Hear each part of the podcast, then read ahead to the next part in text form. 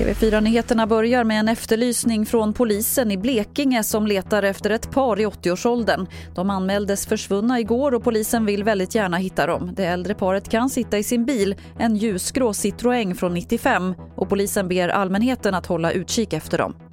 Flera elever ska ha blivit allvarligt kränkta under en inspark i årskurs 1 på Lindeskolans idrottscollege i Lindesberg. Det här rapporterar SR. Det var en elev som reagerade och efter det vände sig skolan till polisen. Exakt vad de här eleverna ska ha utsatts för framgår inte. Och vi avslutar i USA där Donald Trumps fru Melania Trump höll tal på Republikanernas partikonvent för bara en stund sedan. Och TV4 Nyheternas USA-korrespondent Stefan Borg han säger så här om hennes tal.